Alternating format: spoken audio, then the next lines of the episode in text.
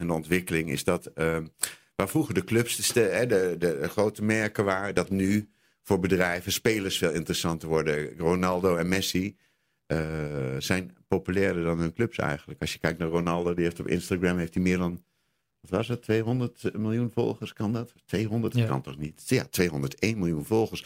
Op Twitter ook heeft hij een veelvoud van Juventus. Dus als je zo'n groot merk koopt, dan mag eigenlijk de club blij zijn dat die speler daar komt. En eh, de speler is een groter merk geworden dan club. En clubs. En wat, wat heel bijzonder is, want ze verdienen natuurlijk zoveel omdat het een miljardenindustrie wordt. Dat is het geworden omdat voetbal is eh, iets geworden van een heel ander publiek. Mensen in het stadion, die doen er niet meer zo toe. Het gaat om de mensen die met een mobiel eh, ergens streamen, of nou Bangkok, Beijing of Manila is. Als Liverpool speelt of Barcelona speelt. En mensen die veel vliegen zullen het ook wel zien. Op ieder vliegveld. Het is een soort mondiaal merken zijn het geworden.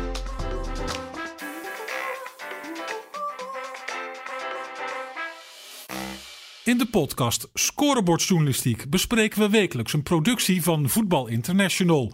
Ben je benieuwd naar het artikel dat we bespreken? Ga dan naar www.vi.nl/slash scorebordjournalistiek. Daar kun je het hele stuk gratis lezen. www.vi.nl/slash scorebordjournalistiek. Ja, en welkom. Podcast nummertje 21 van Scorebord Journalistiek. Ja, het, eh, het gaat hard wat dat betreft. Ehm, we gaan het hebben over de vraag die ik misschien wat het meeste krijg als ik op verjaardagen en andere feesten kom. hey Stef, wat verdienen die gasten nu eigenlijk? Salarissen, zowel in de eredivisie als daarbuiten.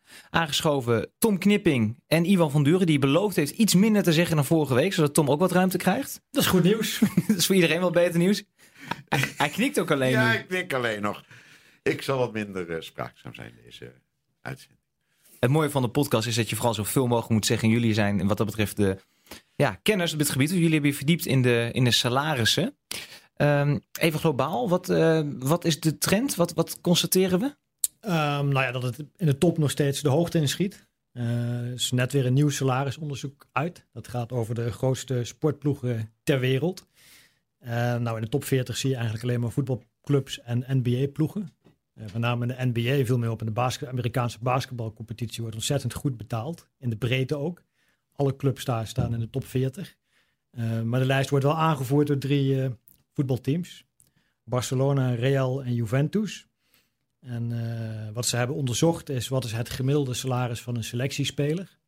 Ehm, dat is bij Barcelona 11 miljoen euro. Gemiddeld. Gemiddeld, ja. Selectiespeler. ja dus er zitten Dus ook, de eh, er zitten ook de jongste bedienden bij. Dus een aankoop is Frenkie de Jong van 86 miljoen. Die zit daar waarschijnlijk boven. Maar we hebben natuurlijk wel even de aantekening moeten maken dan dat Messi... verdient natuurlijk dermate veel dat hij het gemiddelde wel, eh, wel optrekt. Maar, maar, maar even nu, want dit- deze podcast gaat ons doen duizelen natuurlijk. Ja. 11 miljoen euro per jaar. Nou ja, als je nagaat dat het eh, selectie. selectiebudget Ja. van Willem II voor de hele selectie 3,8 miljoen euro is. Ja, die kunnen niet eens één been van Frenkie de Jong van betalen. Nou, sterker nog. Ja, inderdaad, nog minder. Ja. Oh, wat een, wat, een, wat een wereld eigenlijk. Kijk, wij werken in die wereld. Wij komen er, je hoort wel eens op. Maar als je dan die cijfers ook ziet, het verhaal wat jullie geschreven hebben. Komende woensdag in VI en eh, deze week ook op VI Pro. Ja, je, je schrikt toch nog wel een beetje. Het, het, het, Je weet het het, is en het is toch onmenselijk. nog veel. Hè? Gelukkig heb je in Nederland in de Eredivisie gewoon een heel klein salarisje nog van gemiddeld 200. Nou, dat was in 2018 hè. Want dat wil iedereen dan ook weten. Gemiddelde Eredivisie spelen. En dat is 291.000 in 2018. En dat was een half eh, ton gezakt. Dus eh, wat dat betreft, in de Eredivisie verdien je maar 291.000 euro gemiddeld. Dus dat gaat van RKC tot Ajax en dat gemiddelde. Ook al behoorlijke bedrag, hè, als je ziet wat het niveau is. Ongelooflijk. hè? Nou, we zoomen zo meteen even in op de Eredivisie. Ja. Ik, ik, ik vind het leuk om even te kijken naar die, naar die grote clubs. En ook naar bepaalde spelers, want die hebben jullie er ook uitgelicht. Ehm, dan, dan, dan komt iemand als Lionel Messi voorbij. Volgens mij dan de best betaalde speler ter wereld. Eh, help me eens even, wat, wat dus haalt hij ongeveer binnen onze kleine Argentijn? Nou ja, hij heeft ook wel allerlei hele lucratieve commerciële contracten nog. En dan zit hij tegen de 100 miljoen per jaar. Dus dat is salaris bij Barcelona plus de commerciële contracten. En mm, Ronaldo zit er dan iets onder. En eh, dan de nummer drie is Neymar. Maar, eh, 100 miljoen per jaar. I- Ivan, wat zou jij doen met 100 miljoen per jaar? Oeh, wat zou ik doen met 100 miljoen per jaar? Eh, ja, dat is een hele goede vraag. Ik heb geen flauw idee. Ik heb echt geen flauw idee. Mijn favoriete club eh, helpen. Ik weet het echt niet. Maar 100 miljoen per jaar is, ehm, ja, dat is ongelooflijk. En wat je vooral nu ziet. Kijk, Messi, Ronaldo en Neymar zijn wel ver boven de rest. Ook uh, in de, dus wel grappig, spelen alle drie niet in die Engelse competitie. waarvan altijd denken, daar wordt het beste betaald. En wat zij in ieder geval doen is proberen zo lucratief mogelijk naar de Maagdeneilanden te brengen. En dat soort dingen, naar belastingparadijzen. Want je ziet ook ieder jaar alweer processen waarin, zoveel geld ontduikt is. constructies zijn. Dus dat doen ze zelf. Ja, verder, ik denk dat de waarde van het geld, dat je dat niet op een gegeven moment, ja, dat weet je niet meer. En Ronaldo weet je dat hij het eh, heel erg investeert en dat hij, dat hij uh, bedrijven opricht. En Messi is een wat rustiger type natuurlijk. Maar ik denk, wat maakt het nog uit? 1, 10 of 100 miljoen? De, de kunst is natuurlijk, wat, ik dan wel, eh, wat mij zo moeilijk lijkt, is om op het spoor te blijven. geef mij 100 miljoen en ik ontspoor volledig. Dan kan ik je wel op een ja, dat, ja? ja, als iedereen op je schouder ramt en, het is allemaal fantastisch. Ja, dan is het wel moeilijk om die discipline op te blijven brengen, zeg maar. Uh, om je sport zo te blijven beoefenen, lijkt mij in ieder geval. Omdat je wil natuurlijk de beste zijn, maar op een gegeven moment, heel vaak is een geldelijke beloning uh, is, is natuurlijk het belangrijkste. Dus ik denk ook dat de topmanagers, uh, de Jurgen Klops van vandaag, dat die veel meer een hele groep uh, multimiljonairs bij elkaar moeten houden. Dan dat, ze, dat de tactiek het belangrijkste is geworden. Je ziet ook bij, hoe heet die jongen bij Barcelona, die een heel tennistoernooi organiseert. die is nu ook op zijn vingers getikt. Piqué, volgens mij. Ze gaan ook allemaal, uh, volgens mij, ik weet niet welke het was, was Piqué. En, uh, en zo zijn er meer die nevenactiviteiten hebben. En dan vraag ik me wel eens af van, uh, ja, als je zoveel verdient, dan mag je ook helemaal richten op het ja, voetbal. Ja, je ziet ook steeds meer spelers die later zelf clubs gaan kopen. Oh, de meeste hebben ook gewoon restaurants, hotels, complete hotelketens. Ja. vastgoed ook, hè? Ja, vastgoed. Dus uh, discotheken, ja, die, uh, die ze, ze, investeren dat geld gewoon. Of ze laten de investeerders alles kwijt aan het eind van hun carrière. Zoals Van Basten, die met zijn belasting. Iedereen heeft je het verkeerde adviseurs, ben je snel de klos. Wat mij opvalt, en wat ook in alle rapporten wat opvalt... want wat mij zo opvalt is niet zo belangrijk... maar we hebben verschillende van die enorme rapporten door zitten lezen... over de afgelopen jaren. En de ontwikkeling is dat... Uh, waar vroeger de clubs, de, de, de, de grote merken waren... dat nu voor bedrijven, spelers veel interessanter worden. Ronaldo en Messi uh, zijn populairder dan hun clubs eigenlijk. Als je kijkt naar Ronaldo, die heeft op Instagram heeft hij meer dan, wat was het, 200 miljoen volgers, kan dat? 200 ja. kan toch niet? Ja, 201 miljoen volgers. Op Twitter ook heeft hij een veelvoud van Juventus. Dus als je zo'n groot merk koopt, dan mag eigenlijk de club blij zijn dat die speler daar komt. En uh, de speler is een groter merk geworden dan club. En clubs. En wat, wat heel bijzonder is, want ze verdienen natuurlijk zoveel dat het een miljardenindustrie wordt. Dat is het geworden omdat voetbal is uh, iets geworden van een heel ander publiek. De mensen in het stadion, die doen er niet meer zo toe. Het gaat om de mensen die met een mobiel uh, ergens streamen... of nou Bangkok, uh, Beijing of Manila is. Als Liverpool speelt of Barcelona speelt... en mensen die veel vliegen zullen het ook wel zien... op ieder vliegveld. Het is een soort mondiaal merken zijn het geworden. En die spelers, kopen ze grote speler... wordt jouw merk ook meer waard. Dus als Barcelona Messi heeft dan is Barcelona veel. En ik merk aan mezelf al, als ik, als ik, als ik aan het zeppen ben. En ik zie Messi, dan blijf ik kijken. Speelde hij ergens anders, zou ik waarschijnlijk zelfs ook als oudere journalist meegaan met de spelers, zeg maar. En vroeger was je als club had je een vaste, je had je stad achter je, je wijk. In een land had je hè, je aanhang. Clubs zijn globale merken geworden. En de, en de, de voetballers zijn de filmsterren geworden. Hè, die vroeger, in de vorige eeuw zag je op het scherm, zag je ze allemaal. Maar nu zijn dat voetballers geworden. Dus, en dat is een enorme ontwikkeling in het voetbal. Dat de, de, ja, je ziet het ook in die, er is pas ook een lijstje uitgekomen met de grootste clubs hè, qua omzet. Ja. En dan zie je, Ronaldo is van Real naar Juve gegaan. En dan zie je dat bij Real voor het eerst in jaren de omzet is gedaald. Terwijl Juve een enorme boost of een enorme vooruitgang heeft geboekt. En hetzelfde heeft gewoon te maken met, uh, met, met, Ronaldo. En je ziet dan ook op de salarisranglijsten dus terug. Daar is Juventus nu club nummer drie. Achter Real en Barcelona. Juventus betaalt dan gemiddeld 9 miljoen per jaar. Dat vind ik ook wel opvallend, want ik was ook altijd in de veronderstelling, nou in Engeland wordt het meeste betaald. Nou in Engeland wordt in de breedte het meeste betaald. Dus ook in het rechte rijtje kun je daar heel makkelijk multimiljonair worden. Alleen de eerste Engelse club die we op de ranglijst tegenkomen van mondiale sportclubs is dan Manchester City op de dertiende plek. Als vijfde voetbalclub. Dus er zitten nog twaalf voetbal- en NBA-clubs voor het steenrijk Manchester City. En Manchester City betaalt dan minder dan 8 miljoen. Dus er zit een gat van meer dan 3 miljoen per speler tussen met, met Barcelona. Dat vertekent wel enorm. Maar zijn dan die uh, grote verschillen dan ook heel erg terug te voeren op die één of twee jongens die extreem veel verdienen? De, de Messi's van deze wereld? Of heb je dan toch ook wel de indruk dat het gewoon in de, het hele topsegment, dan een Frenkie de Jong bijvoorbeeld of een Matthijs Licht, dat die ook wel dermate veel verdienen? Ja, die verdienen zeker zoveel, want dat zijn de grote aankopen. Hè? Die, die konden de clubs kiezen, ze hebben ze uit kunnen spelen. En, En er zijn ook al eerder onderzoeken geweest. En Ronaldo zit natuurlijk pas net bij Juventus. En toen kwam Juventus eh, ja, niet zo hoog als dit jaar, maar ook al heel hoog uit de bus. Dus er werd al top betaald. Alleen is er nu gemiddeld nog iets bijgekomen. Kijk, als je er over een hele selectie uitsmeert, ja, dan, dan verval. Het Ronaldo verdient gigantisch veel geld. Maar gedeeld door 30 spelers kun je natuurlijk niet een verschil van 3 miljoen in één keer Precies. per jaar gaan realiseren. Precies, maar dat, dat is heel flink. Maar als ik dan even, toch even, Frenkie en Matthijs maken allebei een eh, transfer afgelopen Ja. zomer. Eh, dan hebben we het over sportieve keuzes. Maar dit soort zaken spelen ook mee. Is het, is, het, is het dan logisch dat zij dan naar Juventus en naar Barcelona gaan? Of Nou ja, dat is logisch, want de hele wereld staat achter ze aan. Dus ja, het is, het is natuurlijk niet verrassend dat ze dan uitgerekend opduiken bij de, bij de voetbalclubs die dus ook het beste betalen van de hele van de drie wereld. best betalende clubs zijn. Dat de derde is Real eh, Madrid. eh, waar- 99 van de 100 spelers kiezen natuurlijk gewoon voor de beste aanbieding. Ja. En, Waterstroom en naar vaak kan je dan tussen meerdere clubs eh, kiezen. Maar, eh, dus sportief zal enigszins meespelen. Maar het is ook geen toeval dat de meest gewilde jongens uitgerekend bij Barcelona en Juventus eh, terechtkomen. Maar het is, we hebben toch ook best wel een romantische blik. Dat we dan zeggen van je wil in de Premier League spelen. En je wil bij, bij Liverpool, fantastische club of, of dit of dat. Ja. Maar uiteindelijk dus als Matthijs de Ligt voor Juventus kiest met Mino Raiola zaakwaarnemer. Dan is dat financiële plaatje dus toch ook wel belangrijk. Tuurlijk is dat belangrijk. Tuurlijk is dat eh, hartstikke belangrijk. En eh, het is misschien in deze fase van carrière niet het allerbelangrijkste. Maar eh, je kan ook morgen je been breken. Weet je. Die jongens zijn in één klap, kijk, de licht en eh, de jong. Laten we het gewoon heel conservatief doen. Dat is gewoon het gemiddelde verdienen. Ook al zijn ze de grote aankoop die overal tussen kunnen, tussen kunnen kiezen. Dan verdienen ze 11 miljoen. Eh, bij Barcelona, bij Juventus was het 9,7 geloof ik. Dan ben Ja, je, negen. Ja. en je tekent een contract voor een aantal jaren.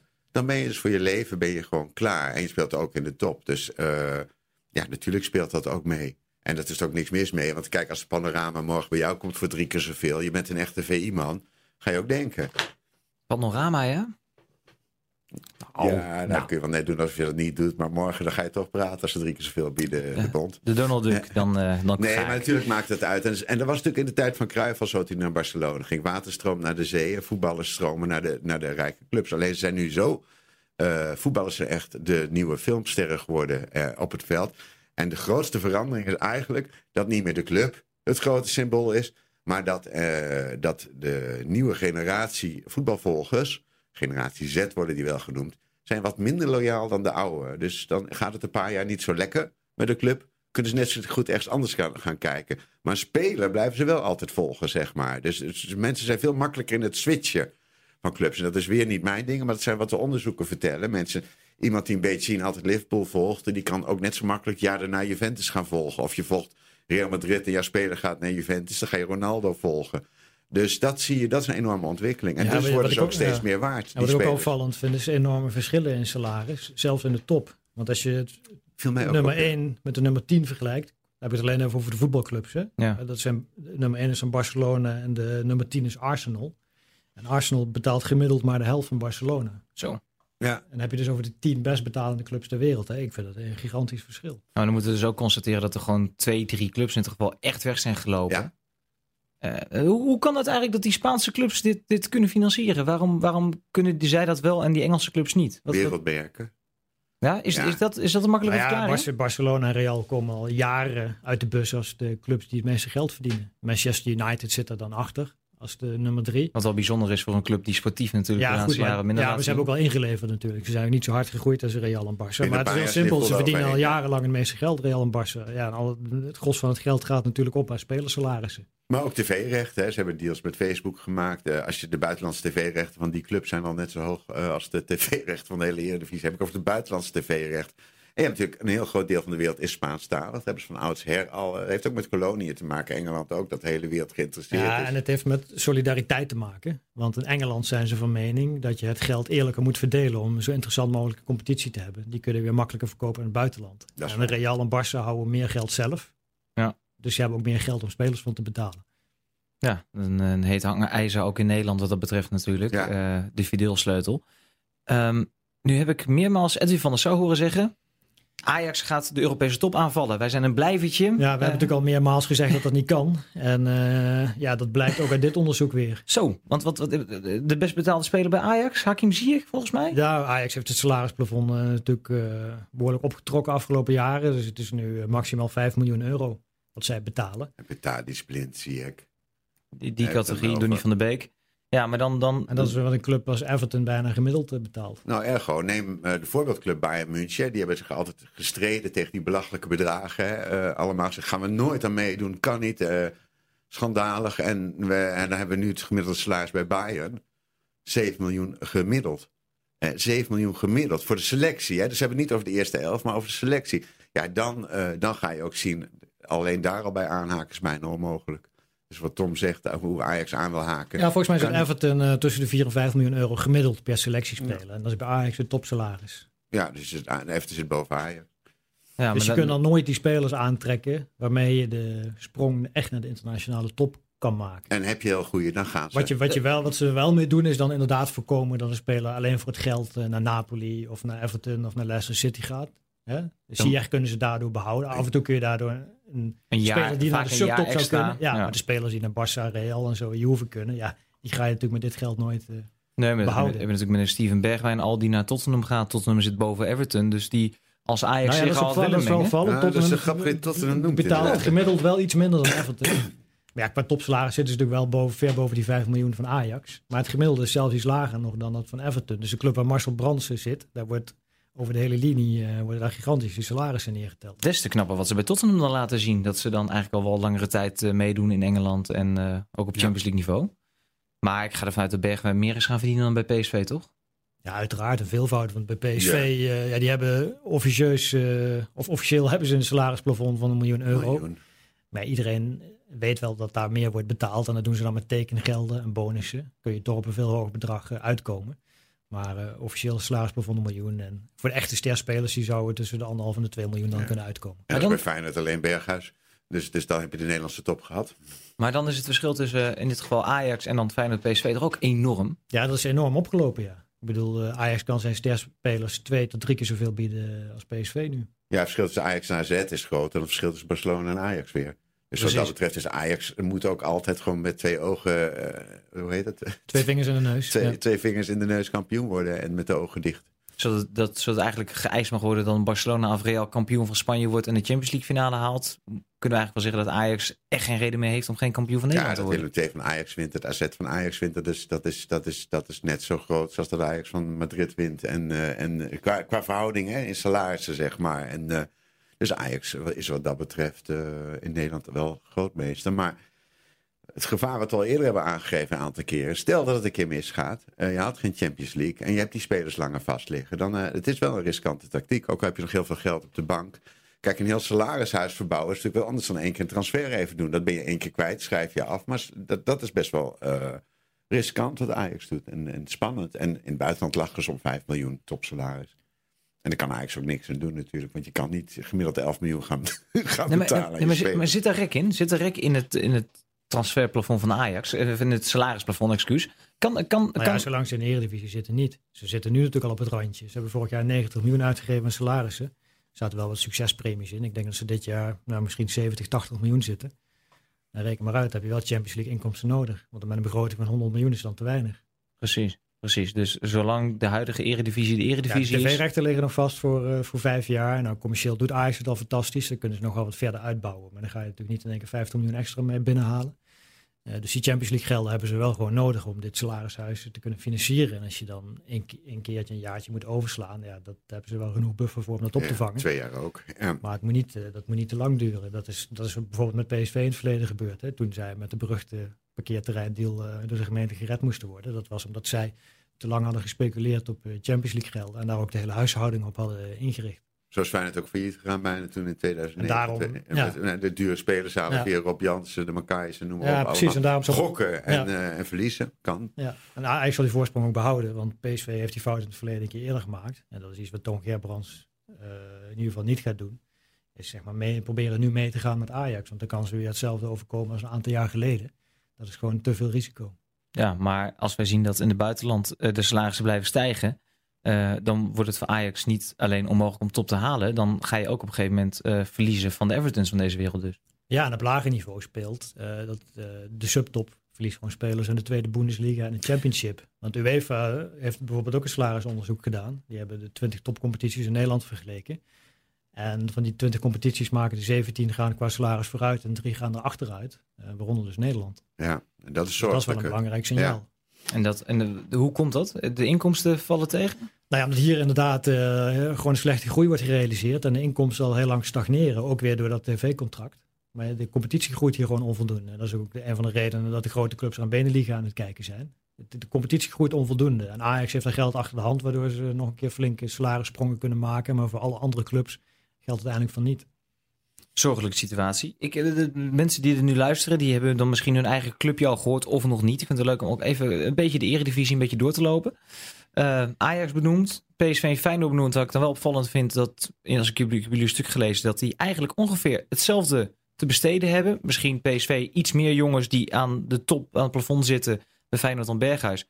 Maar er valt me wel op dat Feyenoord en PSV anders presteren de laatste jaren. Ja, wat doe je met je geld? Hè? Je kan het wel hebben, maar dan is beleid, eh, de beleidsfactor is heel erg groot. En eh, dat die is bij Feyenoord gewoon eh, vele malen minder geweest dan PSV. Die hebben gewoon een beter, ja, een beter beleid gevoerd. Nou, ik heb er veel kritiek natuurlijk op dit Ja. moment op de huidige PSV en wat er allemaal gebeurd is. Maar al over de langere termijn gezien, Ja. ook met de kampioenschap en dergelijke, moet Ja, er wel is een wel- compliment uit. eh, Ja, Ja, absoluut. dat, is, dat is wel grappig om te zien, want eh, je ziet PSV Feyenoord hebben ongeveer hetzelfde aantal mensen in dienst.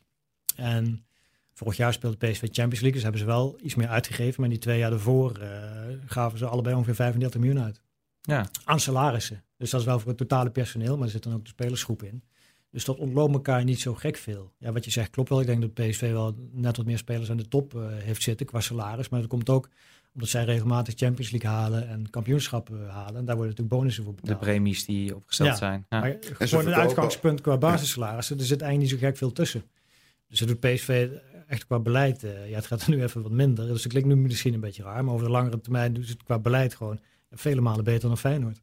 Complimenten richting Eindhoven, dat is even lekker op dit moment. Hè? Dat, ja, maar eh, ook in de scouting, ook in het spelers die ze halen, de doorverkopen, noem maar op. Allemaal zijn ze gewoon zijn ze beter in. En weet je, in het seizoen, eh, één ding is zeker, er is al, al crisis in alle drie de, de, de voetbalsteden altijd. Het begon dit jaar bij Feyenoord hè, met Jaap Stam. Nu zitten we bij PSV. Ajax Ajax drie komt keer verliest, is het daar weer crisis. Dus dat hoort, het zijn ook de seizoenen van een eh, ding. Hè. En dan, eh, dan ben je het moeilijk om je staande te houden. Dan, eh, ze liggen goed onder vuur. Wil je meer verdieping bij het voetbal? Ga dan naar vi.nl slash podcast en neem een abonnement. www.vi.nl slash podcast. Dan, dan krijgen we de subtop. En als ik het zo lees, bestaat het eigenlijk uit twee clubs. Eh, AZ en Vitesse. Ja, die Eh, dan bijvoorbeeld allebei Bazoer wilde deze eh, zomer. En dan zie je waar die voor kiest. Ja? Ja, voor sportieve plaatje in Arnhem natuurlijk. Perspectief, perspectief. en Utrecht wil hem ook graag houden. Hè? En eh, dus dan weet je eigenlijk meteen hoe het zit in de subtop. Ja, maar is, is dat het verhaal? Is er, zit daar het verschil in? AZ en Vitesse kunnen ongeveer eh, een soort gelijksalaris betalen op dit Nog moment? even, want ik denk dat AZ op de weg naar boven is en Vitesse naar beneden. Maar Tom, Nou, bij Vitesse kan het eigenlijk al niet. Ik bedoel, uh, lapt de eigenaar gigantische bedragen bij. Maar ze geven meer dan 100% van al hun inkomsten geven ze uit aan salaris. Bulgaarse begrotingen. Ja, ze concurreren dan wel met AZ op de spelersmarkt. Maar eigenlijk vanuit hun eigen middelen kunnen ze dat helemaal niet doen. Dat is puur dan te danken aan die financiële injectie uit Moskou ieder jaar. Ja, we praten dan ongeveer over. Ik heb begrepen bij Vitesse, de kopgroep zit op 4,5 ton ongeveer. Dat was ooit 7 ton. Ja, dat is inderdaad, Ja. ja. Dat Maar is, dat- st- sterker nog, ik herinner me nog de tijd dat Mirab Jordania daar zat. Ja. Dat, dat, eh, toen voetbalde Davy Pruppen dan nog. En toen was het Jordania die zei... eh, als je nu bijtekent bij Vitesse en ik dan ook je zaakwaarnemer word... want zo gaat het natuurlijk wel... dan ga je een miljoen euro verdienen bij Vitesse. Een miljoen euro. is nooit gebeurd overigens, maar inderdaad voor mij in de be- betere tijden was het ja, ruim ze hebben 7 wel, ton. ja, ze hebben inderdaad salarissen van 6, 7 ton betaald. Ja, die tijden zijn wel voorbij. Ja. Ja, 4,5 ton eh, is nog steeds fors natuurlijk. eh, als je het afzet ook tegen de prestaties. Want AZ doet het met ongeveer dezelfde salarisbegrotingen veel beter. En de transfers, hè, die AZ al drie, vier jaar haalt. eh, die zitten namelijk, en die zitten intussen vast in de 15 miljoen iedere zomer. En dat is natuurlijk wel een segment waar Feyenoord volgens mij één Ja, keer in is geweest. Maar ook weer even om de internationale verhoudingen aan te geven. Het totale spelerssalaris van budget van AZ is 12 miljoen. Ja. Dus denk er nog even aan dat gemiddelde van Barcelona, 11 miljoen. Dat is Dat ongeveer waar je over praat. Ja, of denk dan AZ Manchester United, die wedstrijden. Dat is eigenlijk bizar. Echt wel mooi dat je zo'n wedstrijd gaat kijken. Het staat 0-0 en je hoopt dat de Nederlandse club het goed doet. Maar eigenlijk Ja. als je dit in je achterhoofd hebt, dat kan helemaal niet. Ja, wij willen ook helemaal niet vervelend zijn, met onze munten en punten. Maar dus het gaan natuurlijk zeven dagen lang gaan de talkshows eh, over bal op de paal, de VAR, de opstelling. eh, noem maar op, allemaal beleid, eh, de scouting. Maar het begint allemaal bij die munten. Dus je moet eigenlijk, eh, de, je kijkt naar die begrotingen. En dat is het belangrijkste waar je mee kan werken. Dus daarom willen we ook je achtergrond altijd geven. Ja, dat is ook onderzocht. Hè, van eh, tien jaar geleden uh, won in 75% van de gevallen won de favoriet. En in 25% van de gevallen de underdog. En dat, die verhouding is inmiddels 80-20. Dus het schuift steeds meer op. De voorspelbaarheid neemt steeds verder af. En dat komt natuurlijk door, ons, door ja, de ontwikkelingen waar we het nu over hebben. Oh, de voorspelbaarheid neemt toe. Ja, ja, de voorspelbaarheid, de bedoel, sorry, dat bedoel ik. Ja. De voorspelbaarheid is toegenomen van 75 naar 80 procent. Dat en dat is het laatste wat je wil als voetbal. Want, want ook op, op, tv-kanalen, het is natuurlijk zo populair, omdat je instant naar iets kijkt waar je de uitslag niet van weet. Dus je zit met z'n allen te kijken naar iets waar je de uitslag niet van weet. Uh, ja, hoe mate, naarmate dat voorspelbaar wordt. Daar was het zo leuk wat er met de Ajax gebeurde vorig jaar. Omdat je dan opeens echt een soort trilling door Europa ging van het kan wel. Of als Leicester kampioen wordt. Maar en Liverpool is natuurlijk ook een keer leuk. Maar je moet, als je altijd hetzelfde krijgt in de Champions League. Ja, waarom zou je dan nog aanzetten voor uh, maart? Dan kijk je dan die laatste acht wedstrijden wel. Ja, en als we dan... Competitie ook. Eens, eens. Nee, maar dat is natuurlijk het grappige nog steeds. We zien nog steeds uitslagen die we niet verwachten. Ondanks mm, dat dit... Gelukkig en, wel, ja. En laat het alsjeblieft verhouden in de Eredivisie. Um, net onder die subtop. Ik, ik kwam Heerenveen tegen, wat mij opviel als een club waarvan het al jarenlang sportief toch iets minder gaat voor het gevoel. Maar waar ze nog wel flink betalen. Ja, ze hebben onder andere Vietnamees gehaald. Hè? En in Nederland is zo geregeld als je een speler van buiten de EU haalt, dat hij uh, minimaal uh, dik 4 ton moet verdienen. Ja, daar valt hij dus onder. En dat willen ze dan met commerciële contracten terugverdienen. Ja, het enige wat ik tot nu toe heb gehoord is een uh, contract met een fietsfabrikant, geloof ik. Hè? Ja. Die de selectie van fietsen gaat voorzien. Dat schiet natuurlijk nog niet heel erg op. maar hij verdient natuurlijk wel fors meer dan de rest. Dat ja, in het verleden was het ook zo dat je daar als spits wel, Finn Bogerson bijvoorbeeld, die zat op 370 of 380. Ja, 380.000 euro hebben we dan over mensen. Ik, ja, ik vind dat nog steeds heel veel geld. Maar, dat is dan de EU-speler. Voor EU-spelers betalen ze niet meer zoveel. Maar ook uh, niet zo extreem als Vitesse. Maar Herenveen is ook wel een club die eindelijk gezien hun, het geld wat ze binnenhalen, te veel geld uitgeeft aan salarissen. Oké, en niet van plan om dat te veranderen volgens mij? Ja, tot nu toe uh, hebben ze nog niet de rigoureuze messen erin gezet. En dat, ja, maar goed, dat gaat vroeg of later natuurlijk een keer gebeuren. Want je kunt niet ieder jaar alle gaten dicht fietsen met transfers. Uh, zelfs Ajax en PSV hebben wel eens een jaar dat je geen transfer maakt. Dus dat gaat Heerenveen ook een keer gebeuren. Ja, dan is de enige knop waar je eigenlijk nog aan kan draaien... is het uh, terugschroeven van de, ja, van de spelersalarissen. Ja, dan, dan, komen we bij de volgende groep uit. Volgens mij FC Utrecht lijkt me dan. Uh, Groningen, een beetje die categorie. Nou ja, nou een beetje die categorie. FC Utrecht, daar gaat achter schermen gaan wel echt een verhaal. Met allerlei makelaars zitten zich al in handen te wrijven. Want het verhaal gaat daar dat ze los zijn. En dat heeft te maken met uh, Frans van Zeumer die een deel van de aandelen heeft verkocht. En meer rijke mannen rond de club heeft uh, betrokken. Mm -hmm. Dus de verwachting is dat daar het salarisplafond dan richting de 4 ton gaat. Ja, het spelersbudget is eigenlijk de laatste jaren juist wat teruggegaan. Juist ja, omdat ze zitten nu nog onder Heerenveen qua totale salarisuitgaven. Maar goed, daar gaan ze binnenkort wel overheen. En dan komen ze wel uit nog onder AZ en, en Utrecht. Of ja, AZ en Vitesse. Maar ja, het, dat het daar omhoog gaat, dat lijkt wel duidelijk. En dat heeft Van Zeumer ook aangegeven. Dat hij ook daarom andere aandeelhouders erbij heeft betrokken omdat hij ook met uh, het oog op toekomstige nieuwe competitieontwikkelingen, zoals de Beneliga bijvoorbeeld, daar wil hij kosten wat kost bijhoren. Ja, dan moet je hogere salarissen gaan bieden. Ja, maar dat, dat is interessant. Dat, ja, want ze halen nu warmer dan van Groningen bijvoorbeeld. En dat is een van de best betaalde spelers van Groningen. Ja, wat grappig is wel, ze hebben nu deze winter Willem Jansen raakt geblesseerd. Uh, aanvoerder, centrale verdediger. Uh, spoeling is vrij dun. En ze hebben echt gekeken naar, kunnen wij potentiële uh, grote jongens binnenhalen als vervanger van Jansen. En er zijn gesprekken geweest met de RVC en met Van Seumas hebben gezegd van dat doen we niet meer, want de eigen jeugd moet een kans krijgen. Dus dat is dan ook weer een beetje balanceren van dat soort clubs. Hè? Want ze willen ja, het heeft ook vaak mee te maken, denk ik, of je dan net de goede kan halen. Zoet hebben ze bijvoorbeeld wel gehaald. Ja. En uh, de, de, wintermarkt is ook wel bekend dat die markt niet ideaal is om uh, goede investeringen te doen. Er zijn toch vaak noodoplossingen en spelers die dan net ergens vrijkomen. Nee, maar wat, wat ik dan weet is dat er wel het transferbudget voor dit seizoen was op. En in het verleden wisten we dan bij Utrecht, dat maakt niet uit, want dan komt er nog even een, een potje vrij. Er was deze winter toch wat meer moeite voor om dat los te krijgen. Maar als ik jou zo beluister, wordt het in de toekomst weer uh, een andere situatie. Ja, ja, precies. Omdat die, ik weet niet of die aandeelhoudersovername al helemaal uh, rond is. En er zijn ook twee verschillende dingen. Hè. Investeren in transfersommen of uh, salarisniveau om, omhoog schroeven. Want die jongen van Groningen, die houden ze ook niet nu. Maar die leggen ze dan voor komende zomer al transfervrij binnen. vast als die transfervrij is. Ja. ja. Um, we gaan door in, de, in eigenlijk naar een kleine club die hier wel in de subtop staat. FC Emmen. Dat, dat verbaasde mij direct toen ik dat las. Dat is een club waarvan ik verwacht, nou, dat, als je daar, uh, als je bij Emmen voetbalt, dan mag je blij zijn dat je een uh, leaseauto krijgt. En, uh... Nou ja, die hebben twee jongens uit Peru, hè? Ja. En eh, die moeten ook dat niet-EU-salaris eh, verdienen, dus van ruim 4 ton. Voor alle duidelijkheid, die moeten een, een niet-EU-salaris is anderhalf keer het gemiddelde, hè, meen Ja. ik, van, eh, van een, eh, een gemiddelde van dus de Eredivisie. die Dat is rond de 3 2,91. ton. Ja, en Ja. daarvan moet je dan anderhalf keer zoveel Ja. verdienen als niet-EU. Ja, ik wil niet ingewikkeld maken, maar dan is niet-EU ook nog vanaf 20 jaar. Dus 18, Ja. 19 jaar Ja. is dan de helft. En dat Ja. zou je als Emmen inderdaad nooit verwachten, omdat zelfs Feyenoord Nee. er wel drie keer over na Maar ook eh Bel en Bakker, die konden afgelopen zomer allebei naar Groningen. En die wilden op zich ook wel. Maar die bleven uiteindelijk toch bij Emmen. Ja, dat kan natuurlijk niet als je de helft van het Groningen salaris biedt. Dus dan moet je toch, eh, rond de twee, moet toch, je toch rond de twee plaatje. ton al gaan weer gaan zitten. Hoe kan Emmen dat nou doen? Ehm, ja, eigenlijk is het niet zo ingewikkeld. Ze hebben natuurlijk maar een hele kleine organisatie. Ze hebben maar een paar mensen in dienst. En eh, ja, als bij de Eredivisieclub komt natuurlijk best wel wat binnen. Op 7, 8 miljoen euro begroting kom je altijd wel uit. En Emmen heeft gewoon niet zoveel kosten. Dus eh, ze kunnen een, relatief groot deel van dat geld kunnen ze reserveren voor, eh, voor salarissen. Nou, Kiel Scherp hebben ze nog verkocht voor 2 miljoen aan Ajax. Dat geld hebben ze ook aangewend eh, om ja, gewoon te investeren in de, in de selectie. Maar, maar, maar neem me even mee. Wat, wat, wat is nou, wat verdient de gemiddelde speler bij Emmen ongeveer dan? Want ik, ik verwacht schreven gezicht in de kleedkamer als er twee jongens van eh, met Ja, het is een beetje het Amerikaanse model, hè? Dat een paar sterkhouders gewoon vier keer zoveel verdienen als de rest. Ja. Want eh, ja, je hebt dan inderdaad die twee Peruanen, nou, Bel en Bakker. En de rest zit natuurlijk ver onder. eh, ja, precies weet ik het niet. Ik denk zo rond de ton.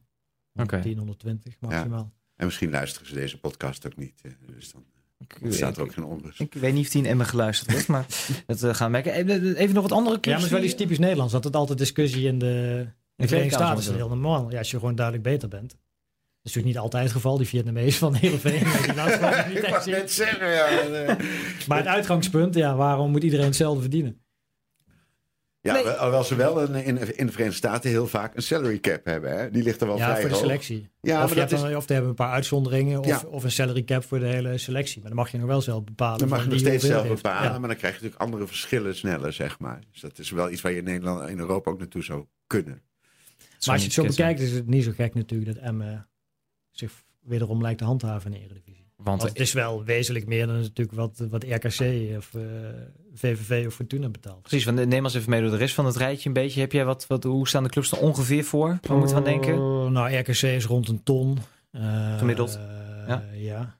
Eh, VVV 120, 130.000. Hoewel die ook weer een Amerikaan hebben die dan ook weer het hoge salaris moet verdienen.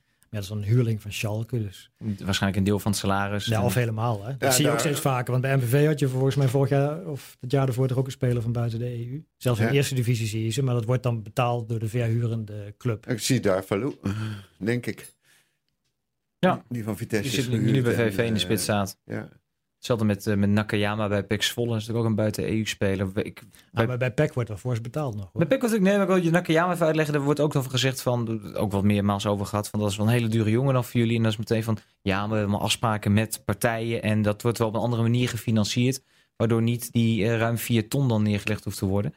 Eh, maar nee, wat je zegt, Zwolle is ook wel een club die opvalt. En die willen ook nog gaan groeien in dat salarishuis. Ja, dat hebben ze al gedaan de afgelopen jaren. Op een gegeven moment gingen ze eh, Van Duinen halen. Hè? En help me even van Krooi, dacht Van ik. Krooi, ja. Ja, het Venlo. Leemans. Ja, die gingen naar salaris van rond de 275.000 euro. En, ehm Bij hè.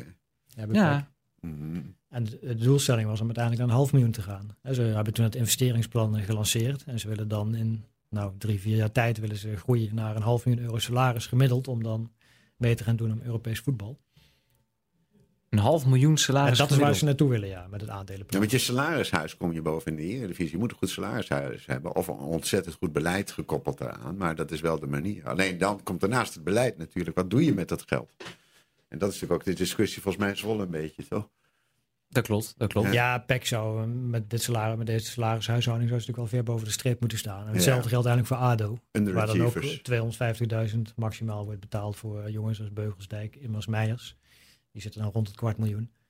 Dat is natuurlijk wel duidelijk meer dan wat VVV of RKC eh, uitgeeft aan, eh, aan salarissen. Ja, maar ik, ik, dit, dit is toch wel eentje voor de verjaardagen. Dat je dit, deze podcast nu hoort. En dat je Ja. zegt dan, heb je dan gehoord, Tom Beugelsdijk verdient een kwart miljoen euro. Ja. Nou ja, dat zijn ook enorme bedragen. Maar die man... Het is wel grappig om te zien dat het gemiddelde salaris is 291.000 in de Eredivisie. Maar het gros zit er wel onder. Vanwege eh, ja, zijn een misschien, Ajax eh, en een... ja, misschien 100 of 150 spelers die het verdienen. Maar de overgrote meerderheid zit er wel onder. Daar staan in de keukenkampioen-divisie. Ja, Dat maar- dat is ook een gespreksonderwerp. Neem even mee, eh, Ivan. Ja, neem even mee. Daar zit je, de, je, er zijn er natuurlijk genoeg spelers die inmiddels liever voor een amateurclub gaan spelen. Daar kun je gewoon beter verdienen. dat Tom Bill net schreef van dat je er echt geen keuken voor kan kopen voor het salaris in de keukenkampioen-divisie. En eh daar wil ik nog wel zelfs een tweedehands keuken aan toevoegen. Want als je. Er zijn een aantal uitzonderingen natuurlijk, hè. Cambuur en, eh, en NAC en noem maar op allemaal. Maar Ja, maar als, je, als jij in Os of in Dordrecht speelt, dan... eh, nee, dus investeren in jezelf. Dan is het. eh, Ja, in het de- verleden kon je inderdaad in de eerste divisie ook nog wel een ton of meer verdienen. Ja, zeker. Dat is niet meer aan de orde. Ja, misschien van een echt een uitzondering. Ik denk dat ze Rens van Eijden, die dan van AZ naar NEC gaat, die zal er niet voor een grijpstuiver doen. Ja, maar zijn cultuurdrager, hè, zijn van Schaik, die heeft de topsportmentaliteit van Alkmaar Ja. nu meegenomen naar Nijmegen, zodat dat, dus dat is een diepe Maar- investering. Oh, maar dat is ook de reden waarom Joey van den Berg nog heel lang in zijn contract bleef zitten in Nijmegen. En bij het tweede rondjes ging lopen. Dat dat puur te maken omdat hij het zo'n mooie club vond. Dit vind ik nou zo cynisch. Ja? nee, maar dat is Rens van Eijden. Die weet op een of andere manier altijd op de goede sluis te komen. Behalve toen hij naar Moskou ging, weet je nog? Toen, Oh, ja. zat, toen zat hij er al aan de caviar. Het ging niet door. Ik weet niet meer precies hoe dat ging. Maar ja, bij NEC hebben wat, eh, wat was dat toch ook? Dat is toch zo? Of herinner ik me dat nou verkeerd? Nee, dat was zo. Die zat gegeven in Moskou met zijn miljoenencontract. Maar dan miste een handtekening of zo ergens. Moest hij weer terug. Maar dat is inderdaad boven de ton verdien je bijna nergens in. de- Nee, want in eh, betaald voetbal heeft een. CAO. En die denkt soms wel, waarom is dat nodig met die hoge salarissen? Maar voor de eerste divisie jongens is dat echt wel nodig. Want bij Dordrecht mag je blij zijn als je iets meer dan het minimumloon krijgt. Hè? Mag je gewoon blij zijn met een contractje van 1500 euro per Ja. maand. Heel blij. Ja. Ja, sterker nog, in de tijd dat eh, Marco Bogen dan tegen de directeur was, weet ik dat er wel eens minder betaald werd nog. En dat de jongens het echt voor zichzelf moesten doen. Ja, reiskosten. Maar als je over de hele grote lijn bekijkt, dan zal het 25.000 tot 30.000 euro bruto per jaar zijn voor menig basisspeler in de, in de eerste divisie. Ja, Ja. kun je nog goed van leven. Daar, daar kun je goed van leven. Alleen het Ja. probleem is inderdaad wel dat op de lagere amateurniveaus er gewoon beter betaald wordt bij de Nou, en een ander probleem is dat er wordt geacht dat je helemaal op voetbal inzet. Dus je moet als een prof, het is je werk. Dus je moet ook bepaalde tijden op de training. En je moet, eh, dus dat, dat mag allemaal verwacht worden van de werkgever. Wat betekent dat je daarnaast niet iets anders op zou kunnen bouwen. Of dat wordt moeilijker. En het amateurvoetbal krijg je vaak een baantje ernaast. Of je kan, is wat makkelijker allemaal. Dus ik, ik ken zelf ook wel eens wat mensen die zeggen, nou, ik, ik, eh, ik, ga, ik ga liever eh, bij de treffers voetballen dan eh, bij Top Os. Ja, zeker als je wat ouder bent. Als je, het, 26, ik bedoel, als je de 27. sprong kan maken naar de Eredivisie, ja, dat, dat zie je wel, dan kan het wel heel lucratief zijn. Ja, dus investeer in jezelf dan. Dat is ook de reden waarom jij journalist bent geworden, toch Ivan?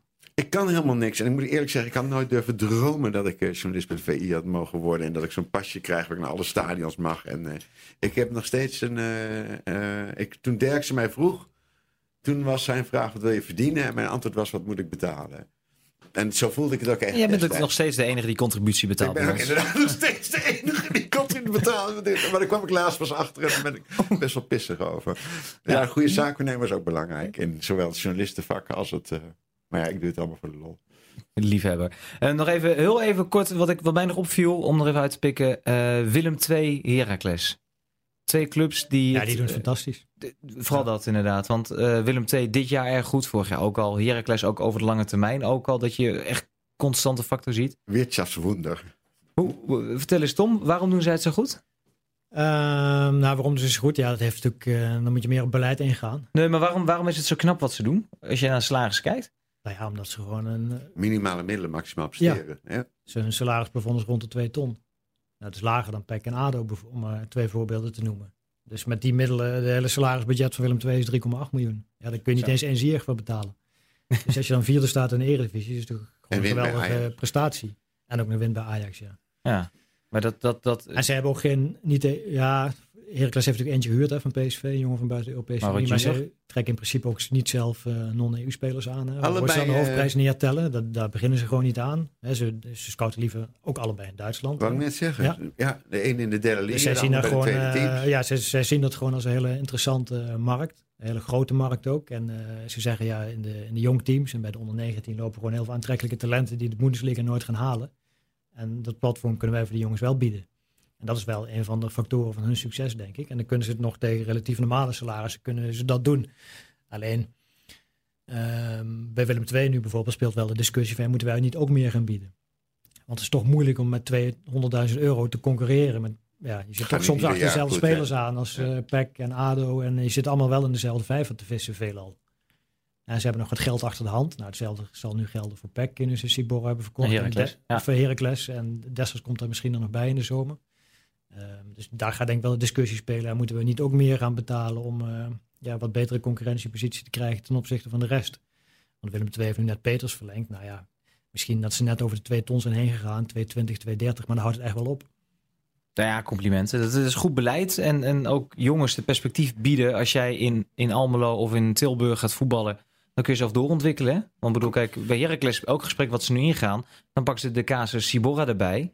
Jongen die het in, eh, bij Schalke niet ging redden. Ja, ja, die daar wordt zeker. opgepikt, Ja. een klein salaris gepakt en die speelt nu Champions League. Zo ja, simpel is het. precies. En salaris is ook niet alles. Hè. De clubs halen wel ook meer, eh, ze hebben nog meer eh, wapens om het aantrekkelijk te maken voor spelers. Wat bijvoorbeeld ook gebeurt is dat ze spelers een deel van de transfersom geven. Dat gebeurt ook bij een hoop clubs. Dus als je jezelf dan doorontwikkelt en je gaat voor 10 miljoen en je hebt 10%, heb je ook een miljoen. Ja. En dat soort dingen doen Nederlandse clubs natuurlijk wel. Eh, dus de- het is niet zo dat alle transfergeld naar de clubs gaat, maar spelers krijgen vooral in Nederland ook vaak een aandeel. Omdat ja, in alle onze omringende landen stijgen de salarissen en hier, en, en hier gebeurt dat niet. Dus de clubs verzinnen natuurlijk wel manieren om het dan toch eh, interessant te maken voor, eh, voor de spelers. En dat doen ze dan bijvoorbeeld door aandelen in transfersommen te geven. En voor zichzelf ook. Als je kijkt naar het door, wat, wat de transfer van Frenkie de Jong betekent in, in, in, in Tilburg. En je was de laatste, ik las dat ze weer een nieuwe gebouw aan het neerzetten. Als je zelf als club moet je ook zo gaan opereren, zeg maar. Hè. Dat je, dat je eh, slim in die transfermarkt zit. Dat je nog geld meepakt. En wat Willem II, wat mij opviel, je had een verhaal vorige week van Willem II. En natuurlijk het eerste wat ze doen is ook weer die wielaard weer terughalen. Hè. Dat je een goede, dat je korte lijnen hebt, een goede scout, eh, noem maar op. Ja, maar Het dat is vind ik vaak- soms bij clubs echt onbegrijpelijk. Het is vaak Dat allemaal geen- zo simpel. Ja, dat je geen scouting op Je moet gewoon toch de, Ja. het meeste geld moeten gaan naar je scout en naar je hoofdjeugdopleiding en naar je trainer. Lijkt mij altijd. Maar over salarisbestedingen. eh, te- Dat zijn onders, onderschat. Dat, dat ze geen scout hebben, maar ook dat de lijnen kort zijn. Gewoon één man die dat. Dat zag bij Groningen, Veldmaten ging weg. En dat was het begin van de ellende natuurlijk. Eh, Dat zijn mensen die bijna nooit genoemd worden. Maar volgens mij veel en veel belangrijker zijn dan, eh, dan vaak wordt onderkend. Bij, Sleutelposities. bij Heracles halen ze nu een 19-jarige Italiaan op als linksback. Geen idee of hij goed is, maar wat doen ze? Hetzelfde wat ze met Adrian Dalmau hebben gedaan. Ze pakken de scoutingsystemen erbij. Ze gaan heel specifiek op zoek naar die young prospects. En vervolgens gaan ze kijken, kijken, kijken, kijken. En volgens mij is dat ook gewoon hard werken. Is dat gewoon Dat is- iemand die in de auto zit en, en dat heeft AZ ook. eh, Carlos Albers is zo iemand die nooit wordt genoemd. Ja, die heeft, die heeft eh, ook bij Groningen heeft hij er een paar gehaald. Bij NEC die eh, Ali Reza. Nu weer komt hij met een Japannetje aan, zeg maar. die zo Ja, ja, dat is een hele goede zet van AZ Ja, geweest. en dat zijn de stille krachten waar weinig belangstelling voor is. Ik als, als ik een club had, samen met jullie, dan zou ik zeggen... aantal posities wil ik hoge salarissen, zeg Ja, maar. maar dat is Eh, iets wat Ajax bijvoorbeeld wel doet. Hè. Zij, zij, zij halen echt scouts. Veldmaat hebben ze gehaald Ja. van Groningen. nou, dat is echt Eerder- mijn beste aankoop van in het Ajax. verleden hebben ze Hans van der Zee van, eh, van Ja. PSV gehaald. Dus zij, zij zijn er wel actief mee bezig. Ook om scouts te transfereren en aan te trekken. Ja, dat lijkt mij volledig terecht. Hetzelfde geldt voor mensen in opleiding. Eh, Als je spelers door wil laten breken, dan kijkt die jongen bij, eh, die nu bij Willem II, die bij NEC is weggehaald voor een Habberkrats, die, moeilijke naam, die zo goed voetbalt. Mike Tresor. Eh, zo kun je hem ook noemen, ja. Ja, En, dus, eh, ja, en, net, eh, net hoe je het uitspreekt. ja. Maar die, die was dus in het begin van het seizoen met de trainers van NEC niet eens over waar die speelde. Op 10 of op 9. Die moesten, de trainers zeiden, ga maar naar Jong. Ja, nou dan is die weg. Het is zo belangrijk dat je over... en Het is bijna onmogelijk, want het is geen exacte wetenschap. Maar je moet... eh, wat zei Dickie Advocaat zo mooi zondag over, de, over, over alle analisten. Hij zegt, mijn ogen zijn mijn computers. Nou, er zijn een aantal mensen die naast hard werken ook zicht hebben op voetbal. Die, die moet je in je organisatie zien te krijgen, denk ik. En dat is ook eh, het goed omgaan met je geld, zeg maar. De salarishuis zegt niet alles. Het is ook hoe besteed je dat salaris aan twee Vietnamezen op de fiets of aan een goede scout. Dat lijkt me een helder slot van deze podcast. Heel veel cijfertjes genoemd. Echt ontzettend interessant. Ik zou iedereen willen aanraden om dit verhaal eh, vooral te lezen in het eh, magazine of op VI Pro. Dat laatste kan vanaf deze woensdag op www.vi.nl slash scorebordjournalistiek. Heren, bedankt. Eh, Tom, was Ivan Vul aan het woord? Ik vond hem meevallen hè, voor zijn doen. Hij hield zich in, hè? Ik denk dat ik wel aardig wat netto tijd eh, heb eh, gehad. Ivan, nog een laatste woorden? Ik, wil nog even, ik zwaai nog even naar de webcam allemaal en ik zeg tot de volgende keer.